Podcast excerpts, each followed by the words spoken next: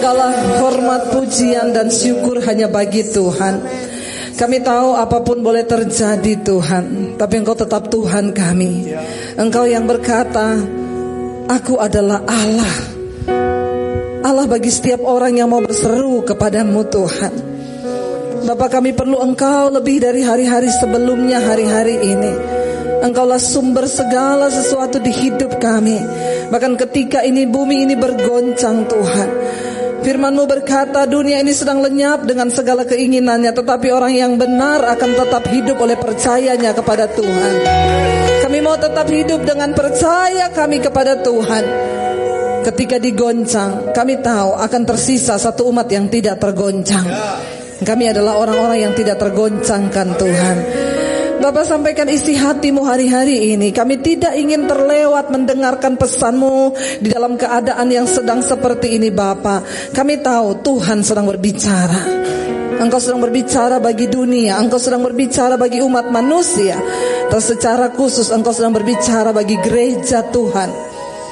Berikan kami kepekaan yang lebih lagi Bapa Urapi hambamu yang tidak ada apa-apanya Urapi setiap anak-anakmu yang hari ini sedang menyaksikan dan sedang ikut ibadah Di rumah-rumah mereka Kami percaya Tuhan hadir di sana Engkau juga melawat setiap kami di dalam nama Tuhan kami Yesus Kristus.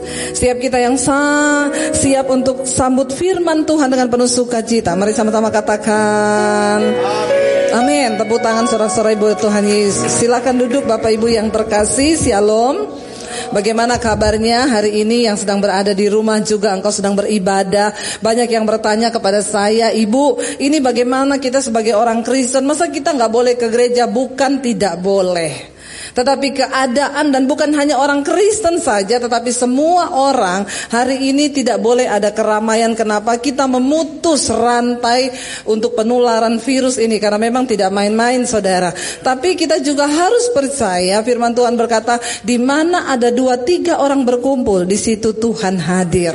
Ya, dua tiga orang itu berbicara tentang komunitas yang kecil di mana di dalam keluarga dan rumah tangga. Jadi hari ini saya juga percaya virus yang terjadi hari-hari ini ada hikmah bagi setiap kita. Di mana orang-orang satu keluarga yang sudah tidak pernah berkumpul bareng-bareng, suami sibuk sendiri, istri sibuk sendiri, anak sibuk sendiri. Hari ini semua kita berdiam bersama di rumah. Ke dapur ketemu suami. Ke ruang tamu ketemu istri. Ya, ke tempat uh, nonton TV ketemu anak. Iya dan saya percaya Tuhan sedang mengajarkan kepada umat Tuhan hari ini di mana pun berada supaya mari kita cari Tuhan terlebih dahulu dimulai dari rumah tangga. Dimulai dari keluarga. Supaya ketika sesuatu tergoncang maka kita kuat di dalam keluarga kita. Amin. Saudara kita mendengar berita-berita yang sampai berapa jam yang lalu di Italia itu korban jiwa sudah mencapai 4800. Saya nggak tahu kalau sampai jam ini mungkin sudah 5000 lebih karena setiap hari 800 orang meninggal. Dan ini tidak main-main. Ya, sampai ada penguburan massal pakai mobil-mobil uh, militer di sana. Sudah tidak bisa lagi. Dan hari-hari ini kemarin teman saya telepon dia bilang, "Bu, saya takut." Saya bilang nggak usah takut. Ya, saya sekarang benar-benar di rumah nggak tahu mau ngapain dan saya ketakutan. Saya bilang kalau sudah waktunya mati kita mati, nggak usah tunggu kena virus kepleset di kamar mandi juga mati, ya. Jadi hati-hati saudara. Kenapa? Ya dengan virus ini semua orang akhirnya menyadari bahwa kematian itu berada sangat dekat dengan hidup kita. Karena itu jangan sombong di mana pun anda berada hari ini saudara. Ya kematian itu berjarak hanya beberapa detik dari hidup kita. Karena itu jangan sombong dengan terus hidup di dalam dosa. Saya hari-hari ini banyak melihat banyak orang yang masih sombong hidup di dalam dosa. Ya, Saya bilang sama teman saya nggak usah takut. Tapi kalau sudah waktunya kita dipanggil Tuhan Ya persiapkan hidup. Dia bilang gini Ya tapi bu pendeta jangan mati karena virus lah. Kenapa? Nggak ada pemakaman ibadah pemakaman. Tapi memang benar. Ya, kita melihat Ya, beberapa waktu yang lalu ada dua jarak dari gang rumah saya meninggal terkena virus ini. Tidak boleh ada keluarga yang ikut. Yang membawa peti itu langsung dari rumah sakit, tim medis yang pakai baju antivirus. Cuman dimasukin dalam peti berwarna hitam lalu dikubur tanpa boleh ada upacara apa-apa. Baru di sini manusia Mata kita semua terbuka hari-hari ini. Virus yang sangat kecil tidak nampak oleh mata manusia loh. Hanya bisa dilihat dengan mikroskop. Itu bisa menghentikan semua aktivitas dunia. Hello saudara. Ya, ini bukan hal yang biasa. Mari kita buka mata rohani kita untuk melihat apa yang sedang terjadi. Virus yang ukurannya sangat kecil tak terlihat oleh mata menghentikan semua aktivitas. Gak ada seorang pun yang bisa. Makanya dari sini kita baru tahu dan kita baru melihat bahwa betapa rapuhnya hidup ini. Kita butuh Tuhan dalam hidup kita. Tapi saudara, di balik semua yang sudah terjadi, berita kematian setiap hari ada di televisi. Masih banyak orang yang tidak mau mencari Tuhan loh. Ya, ini berita tentang virus corona begitu banyak. Setiap hari yang masuk konseling di SMS saya, di WA saya, semuanya kasus perselingkuhan. Ini manusia memang saya tidak tahu hatinya terbuat dari apa. Sampai kemarin ada ibu-ibu yang konseling Bu Debi, Iya, suami saya selingkuh bu. Hari-hari ini dia nggak mau pulang ke rumah. Dan dia lebih memilih selingkuhannya bu. Ya, saya tanya sama dia, kamu pilih dia atau saya? Dua-dua. Ya, pilih dua-dua saudara. Istrinya bilang, ya kamu nggak bisa dua-dua. Suaminya bilang, kasih saya waktu untuk bisa memutuskan selingkuhan saya. Istrinya tanya, waktunya kapan? Tunggu waktu Tuhan. Ini ada orang-orang Kristen yang masih hidup dengan kesombongan di hadapan Tuhan. Saya bilang sama ibu itu gini, Bu. Ibu lihat di depan mata kita setiap hari yang kita lihat berita tentang kematian. Ibu sudah ya kalau suamimu memilih untuk berselingkuh dan hidup dengan selingkuhannya biarkan dia bu. Ibu hari ini fokus dengan hidup ibu. Kenapa kita ada di akhir zaman? Ibu nggak lihat tiap hari ini virus corona membunuh ribuan orang? Jadi ibu saya cuma mau bilang kepada ibu, ndak usah alay, lebay, baper, koper, bagasi. Tapi kita semua mau fokus kepada hidup kita dengan Tuhan. Kalau suami memilih hidup dalam dosa, biarkan saja dia. Ibu fokus dengan anak-anak, cari Tuhan. Amin saudara. Ya, kita melihat saya percaya ini bukan secara kebetulan terjadi. Seluruh dunia dibungkam oleh satu virus yang sangat berukuran sangat kecil. Tuhan sedang berbicara kepada dunia. Tuhan sedang berbicara kepada umatnya. Tuhan sedang berbicara kepada bangsa-bangsa. Ya, apa yang harus kita lakukan hari-hari ini? Saya kemarin menyampaikan saudara, saya dapat sesuatu dari kisah bangsa Israel dari keluaran pasal yang ke-12 tentang tulah yang ke-10. Ketika pada waktu itu Tuhan akan memberi tulah yang ke-10 di Mesir. Dia berkata kepada orang Israel, beri tanda darah di setiap ambang pintu rumahmu. Supaya ketika malam hari aku lewat, maka orang yang hendak aku tugaskan untuk membunuh setiap anak sulung di Mesir itu tidak akan menulahi rumahmu karena ada tanda darah di sana. Dan firman Tuhan kepada Musa, pada malam ini juga tidak ada seorang pun dari orang Israel yang boleh keluar rumah sampai pada waktu pagi hari. Ya, mereka taat melakukan seperti yang Tuhan suruh. Dan ketika penulah itu lewat, ya, ada tanda darah di depan pintu rumah orang Israel.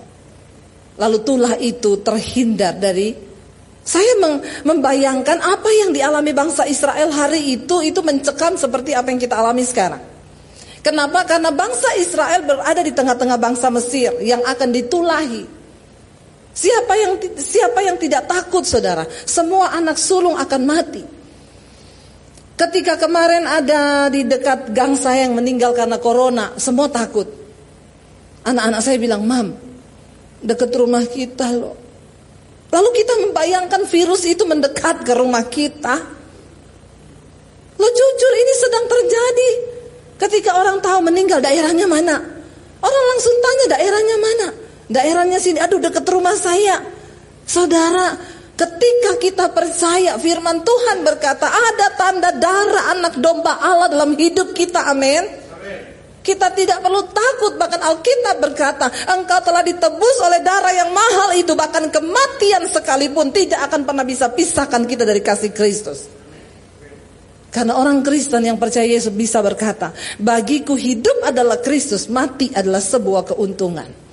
Bagian kita, mari mempersiapkan hidup di hadapan Tuhan. Karena yang namanya kematian itu bisa datang kapan saja. Ya, nggak usah tunggu virus, kita bisa mati kapan saja. Dan saya cuma mau bilang, dari sini kita baru mengerti saudara ternyata kita harus menyadari bahwa kehidupan yang sesungguhnya bukanlah di dunia ini. Karena Alkitab berkata di dunia ini kita hanya perantau. Amin. Ada satu kehidupan satu yang kekal ya yang akan kita tuju satu saat nanti yaitu kehidupan setelah kematian. Kita mau belajar hari ini. Ya, saya pengen kita sama-sama belajar dari firman Tuhan yang terpenting adalah hari-hari ini bagaimana respon kita terhadap semua keadaan. Banyak orang bertanya, "Bu, apa yang sedang terjadi? Apakah ini Tuhan menghukum? Apakah ini gini? Apakah gini?" Saya bilang yang tahu itu hanya Tuhan, tapi saya tahu Tuhan sedang berbicara bagi kita semua. Tapi yang terpenting adalah ini respon. Saya pengen kita semua baca dari Yeremia pasal yang ke-18. Ini adalah kisah ketika pemerintahan Raja Yosia berakhir di Yehuda, lalu diteruskan oleh Raja Yoyakim, saudara. Dan ketika di tangannya Raja Yoyakim, bangsa ini dibawa untuk memberontak terhadap Allah, mereka melakukan semua yang jahat di mata Tuhan. Lalu Tuhan memanggil Yeremia sebagai seorang nabi untuk melihat ya apa yang akan Tuhan lakukan kepada bangsa atau umat yang memberontak dan tidak melakukan kebenaran di hadapannya. Mari kita lihat Yeremia pasal 18 ayat yang ke-7, ayat yang ke-8 sampai ayat yang ke-10 saja. Yeremia 18 ayat yang ke-7 berkata begini. Kita baca sama-sama 1 2 3. Ada kalanya aku berkata tentang suatu bangsa dan tentang suatu kerajaan bahwa aku akan mencabut merobohkan dan membinasakannya. Ayat 8. Tetapi apabila bangsa yang terhadap siapa aku berkata demikian telah bertobat dari kejahatannya maka apa? Maka menyesalah aku bahwa aku hendak menjatuhkan malapetaka yang kurancangkan itu terhadap mereka. Ayat yang ke-9. Ada kalanya aku berkata tentang suatu bangsa dan tentang suatu kerajaan bahwa aku akan membangun dan dan akan menanam mereka. Ayat 10 tetapi apabila mereka melakukan apa yang jahat di depan mataku maka apa saudara? Dan tidak mendengarkan. Saudara lihat baik-baik maka menyesalah aku bahwa aku hendak mendatangkan keberuntungan yang kujanjikan itu kepada mereka. Saudara firman Tuhan datang kepada Yeremia pada waktu itu ketika bangsa ini memberontak dari hadapan Tuhan. Bukankah hari-hari ini kita melihat manusia hidup dengan kedegilan hatinya. Banyak orang yang bahkan membangun kebenarannya sendiri. Mereka jauh dari Tuhan. Kita melihat ada banyak dosa yang telah dilakukan oleh manusia hari-hari ini. Ya, berapa banyak orang yang hidup di dalam kenajisan? Ada berapa banyak orang yang menodai kekudusan dalam rumah tangga? Bahkan saudara saya tahu hati Tuhan bersedih bukan hanya di kalangan jemaat tetapi hamba-hamba Tuhan. Banyak yang jatuh. Dan tidakkah kita menyadari bahwa hati Tuhan itu terluka atas perbuatan umatnya? Bahkan ada banyak hamba-hamba Tuhan yang kehilangan fokus hari-hari ini. Kita tidak lagi melihat jiwa-jiwa. Biar kita mau berdoa hari-hari ini kita merintih di hadapan Tuhan. Tuhan, jangan ada kematian massal, tapi kami berdoa supaya terjadi pertobatan massal di atas bangsa dan di dunia ini. Amin. Biar itu menjadi tangisan kita di hadapan Tuhan hari-hari ini. Ya, apa yang sedang terjadi tidak main-main saudara. Ribuan nyawa melayang. Kita tidak pernah tahu. Tetapi hari ini yang terpenting firman Tuhan berkata respon saudara dan saya. Bagaimana respon kita melihat keadaan zaman?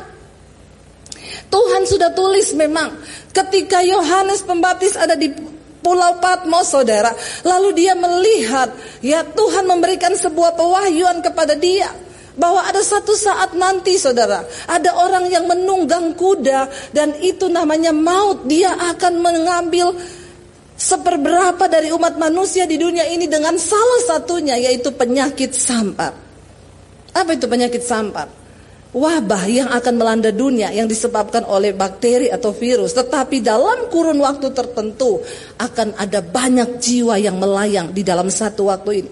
Bukankah ini sedang terjadi hari-hari ini? Ribuan nyawa melayang. Mari kita buka mata kita saudara. Alkitab berkata, mari kita berespon dengan benar.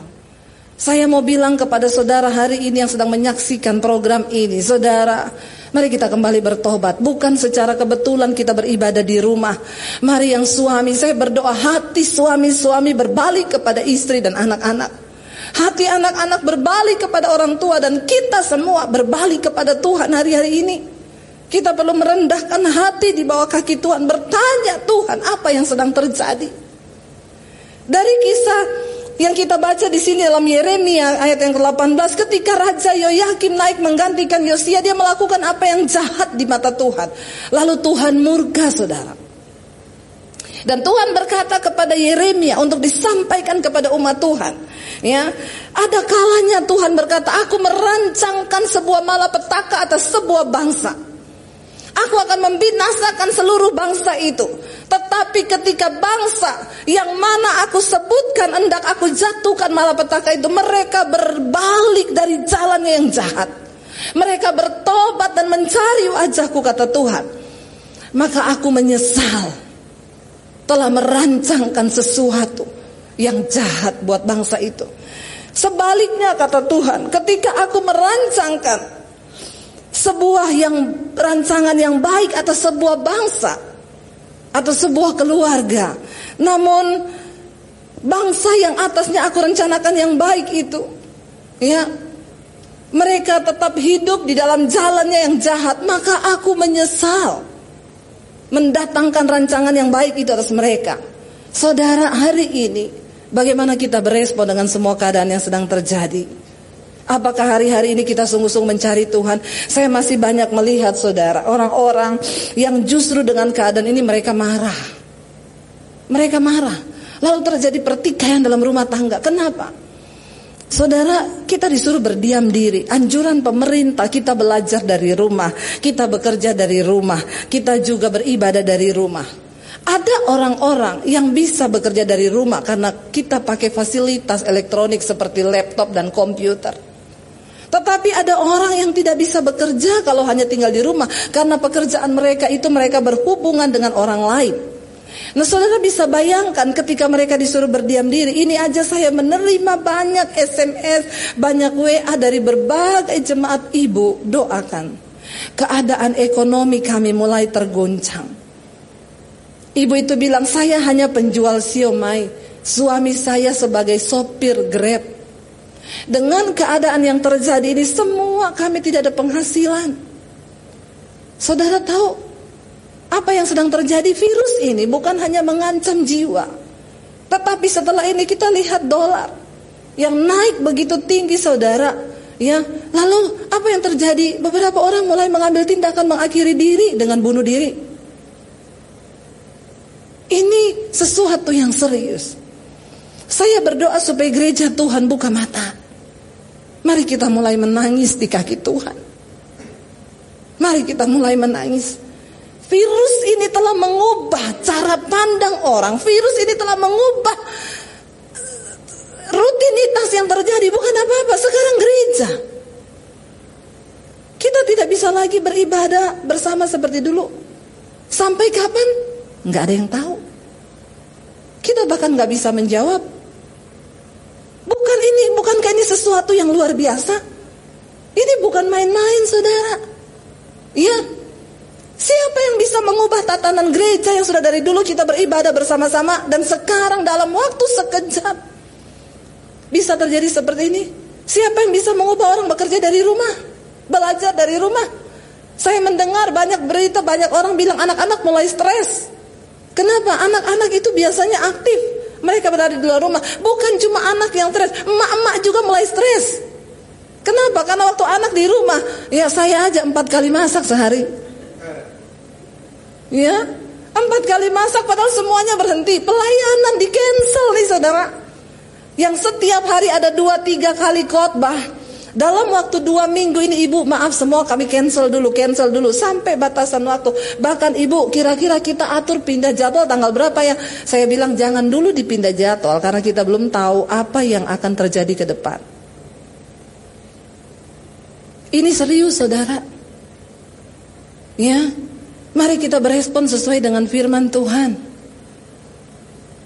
Orang disuruh berdiam diri belum dua minggu ini belum. Ini baru seminggu saudara. Ya, ibu saya bosan, ibu saya stres, ibu saya orang yang biasa beraktivitas semua disuruh berdiam diri. Dalam waktu singkat semua restoran sepi, mall-mall sepi. Ada yang WA ke saya, ibu saya mau bayar gaji karyawan bulan ini dengan apa? Pemerintah sudah mencanangkan lebaran sirahturahmi lewat WA. Gereja harus bisa membuka diri untuk setiap perubahan. Saya baru mengerti kenapa Tuhan dari dulu menyuruh saya ambil alih dunia media. Beritakan Injil lewat media. Karena cepat atau lambat semua akan berubah. Semua akan berubah. Dan kita nggak pernah tahu. Tapi mari kita peka. Ya. Mari kita peka beberapa saat ini saudara. Sejak orang disuruh berdiam diri di rumah. Subscriber saya satu hari nambah seribu lebih.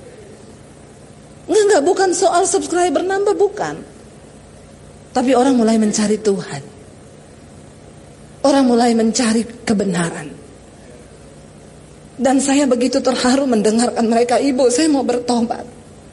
Ada orang-orang yang bilang, Ibu, dengan semua yang terjadi, ya, saya melihat tayangan-tayangan ibu beberapa hari ini. Saya bikin saudara tayangan di YouTube saya. Wake up call 1, wake up call 2, wake up call 3 dan itu jemaat dalam waktu saja. Belum berapa jam yang menyaksikan sudah 15 ribu 100 ribu. Saya tahu orang-orang haus pengen dengar apa pesan Tuhan di balik semua yang terjadi. Mari kita buka mata kita Jangan sampai kita termasuk menjadi orang-orang yang lambat dalam hal menangkap sesuatu dari Tuhan. Sudah cukup kita bermain-main dengan kekristenan kita. Sudah cukup saudara.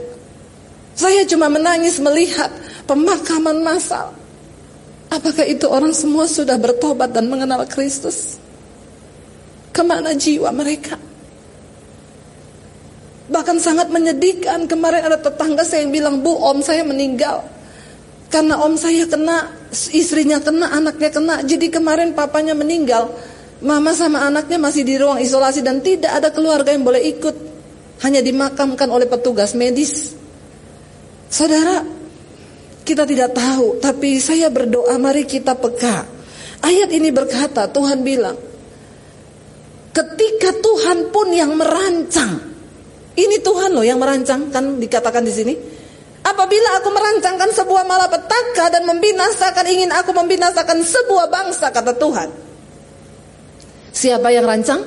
Tuhan. Bisakah kita mengubah rancangan Tuhan itu? Bisa kata Alkitab. Waktu kita merendahkan diri dan bertobat.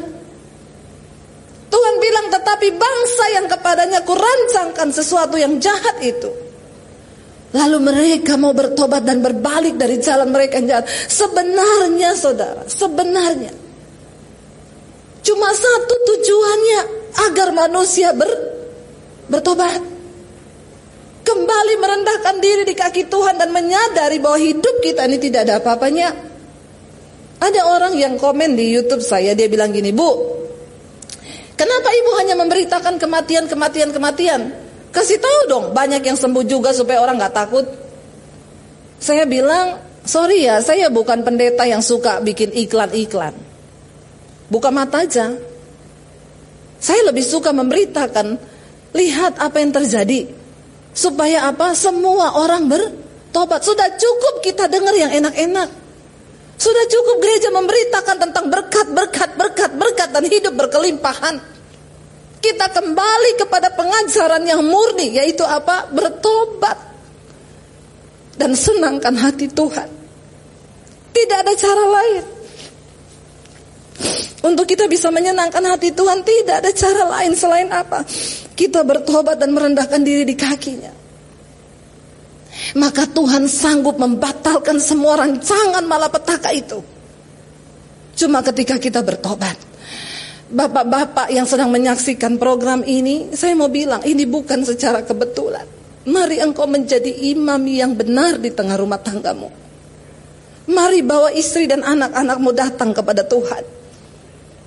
Saya bilang ketika ada tanda darah Kristus dalam rumah kita, maka engkau tidak perlu takut. Bahkan maut tidak bisa menyentuh orang yang percaya kepada Kristus. Ya, apa itu maut? Kebinasaan.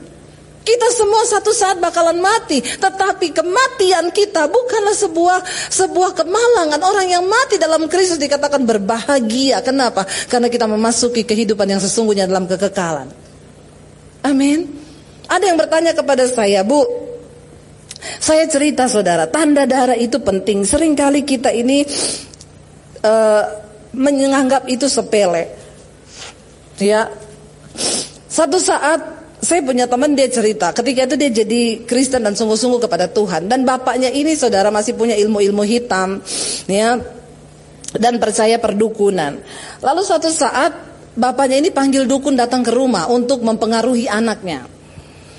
Lalu dukun itu bawa makanan-makanan ayam hitam yang dimasak tapi sudah dibaca-baca dan dimantra-mantrai ya.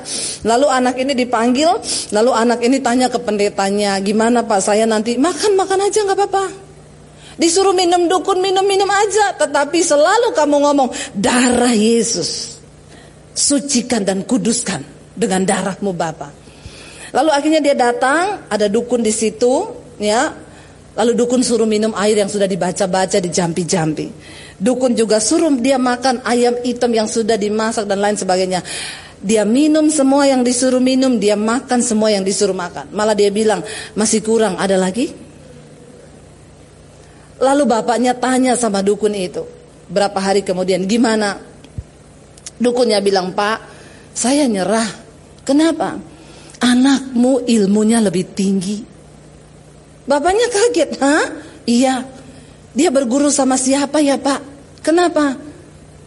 Kenapa saya bisa bilang ilmunya lebih tinggi? Karena ini bukan ilmu main-main. Dia makan daging manusia dan minum darah manusia. Bapaknya kaget. Anaknya dipanggil, ditanya, kamu berguru sama siapa? Itu dukun bilang kamu makan daging manusia dan minum darah manusia. Anaknya bilang, haleluya, itu perjamuan yang setiap minggu saya adakan di gereja, perjamuan darah Yesus. Lo kita rasa itu biasa, tapi orang yang ada dalam ilmu hitam, mereka bisa melihat dari cara yang berbeda. Lalu kemarin ada yang tanya kepada saya, Bu, ini kan gereja libur Bu. Saya mau tanya Bu, kalau minggu pertama boleh nggak saya perjamuan di rumah dengan istri dan anak-anak saya? Saya bilang sangat boleh dan harus. Inilah saatnya para suami bertindak menjadi imam di tengah keluarga. Amin. Dengar bapak-bapak yang menyaksikan program ini. Inilah saatnya Anda dituntut menjadi imam buat istri dan anak-anakmu. Ya. Enggak apa-apa para bapak-bapak awal tak awal bulan nanti perjamuan boleh. Seorang bapak harus menguduskan dirinya menjadi seorang imam. Lalu bawa anak istrimu sungguh-sungguh untuk menerima tanda darah Kristus itu. Amin. Dia bilang, apakah saya tidak menyalahi aturan? Tidak Bapak, karena keadaan memaksa. Tidak mungkin Bapak Gembala mau datang dari rumah ke rumah untuk pimpin perjamuan.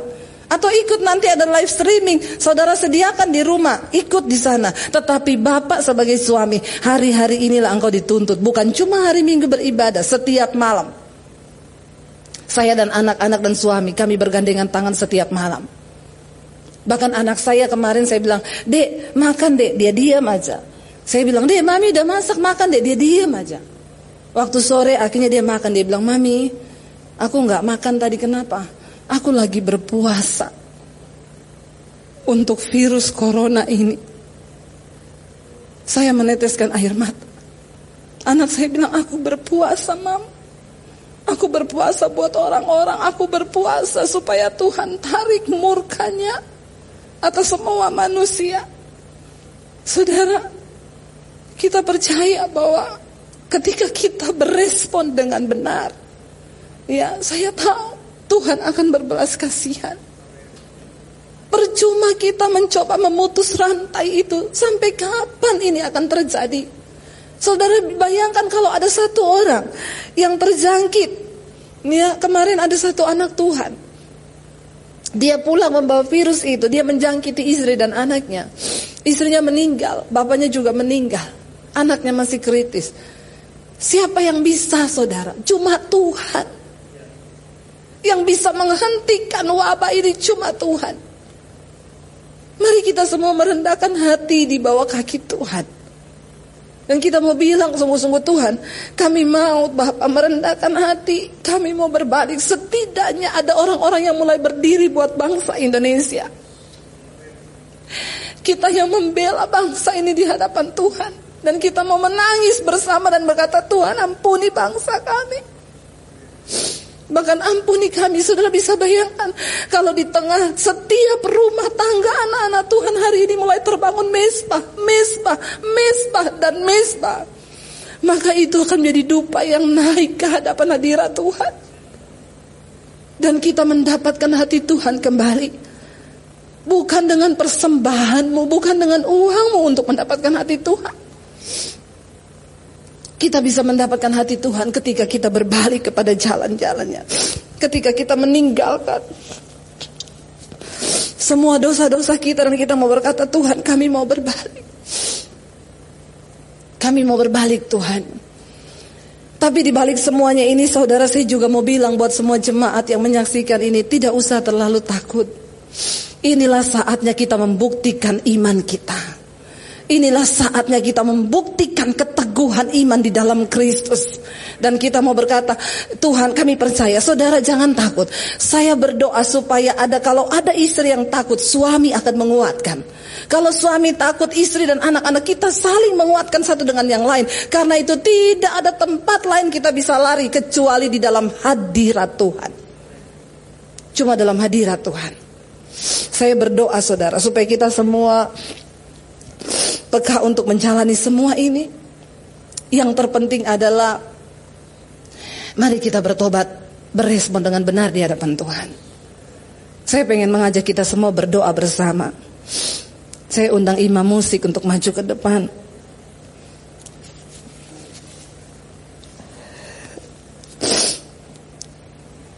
Kami tidak tahu kan hari esok.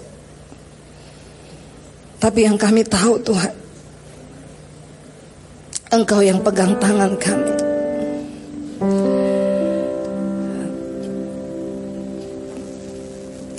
Ini hidup kami Tuhan. Kami mau berbalik dari segala jalan-jalan kami yang jahat.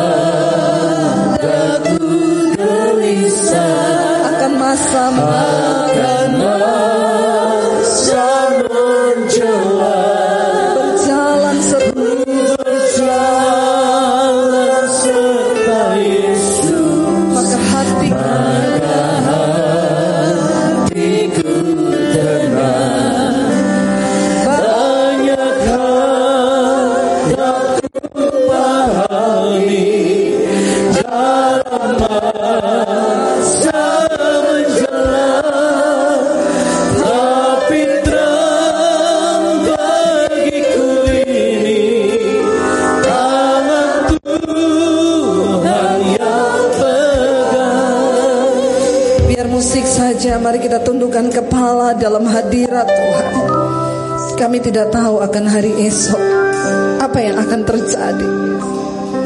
Tapi kami tahu Tuhan satu terang bagi jiwa kami Tuhan yang pegang tangan kami. Hari ini bawa setiap kami semua berbalik dan bertobat Tuhan. Kami mau datang merendahkan hati di hadapan Tuhan. Jangan biarkan kami menganggap semua ini biasa-biasa saja. Tapi bahwa kami semua menyadari bahwa Tuhan sedang berbicara kepada umat manusia. Engkau berbicara kepada dunia ini dalam segala kesombongannya. Tuhan ampuni Bapa. Ampuni Tuhan. Secara khusus kami juga berdoa buat bangsa kami. Tidak ada satupun yang bisa menghalangi ini Tuhan Kecuali tanganmu Bapa kami berdoa di masa-masa orang berdiam di rumah biar ada mesbah-mesbah keluarga yang dibangun. Kembalikan hati anak-anak kepada orang tua dan kembalikan hati suami-suami kepada Tuhan. Kami semua mau berbalik Tuhan.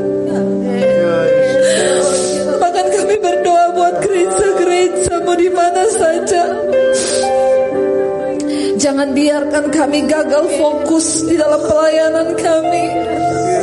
Kami lupa melihat ladang yang sudah menguning. Ada banyak hal yang harus kami lakukan untuk kepentingan kerajaan sorga. Ampuni Tuhan, ampuni Bapa.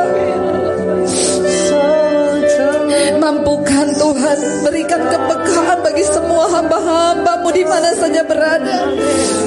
Gereja menjadi barometer untuk sebuah bangsa. Ampuni Tuhan kalau selama ini fokus kami berbeda dengan fokus kerajaan sorga. Kami mohon pengampunan atas setiap dosa-dosa keduniawian Tuhan. Bahwa kami mengejar kekudusan-Mu ya Bapa. Bahwa kami mengejar kebenaran-Mu ya Tuhan.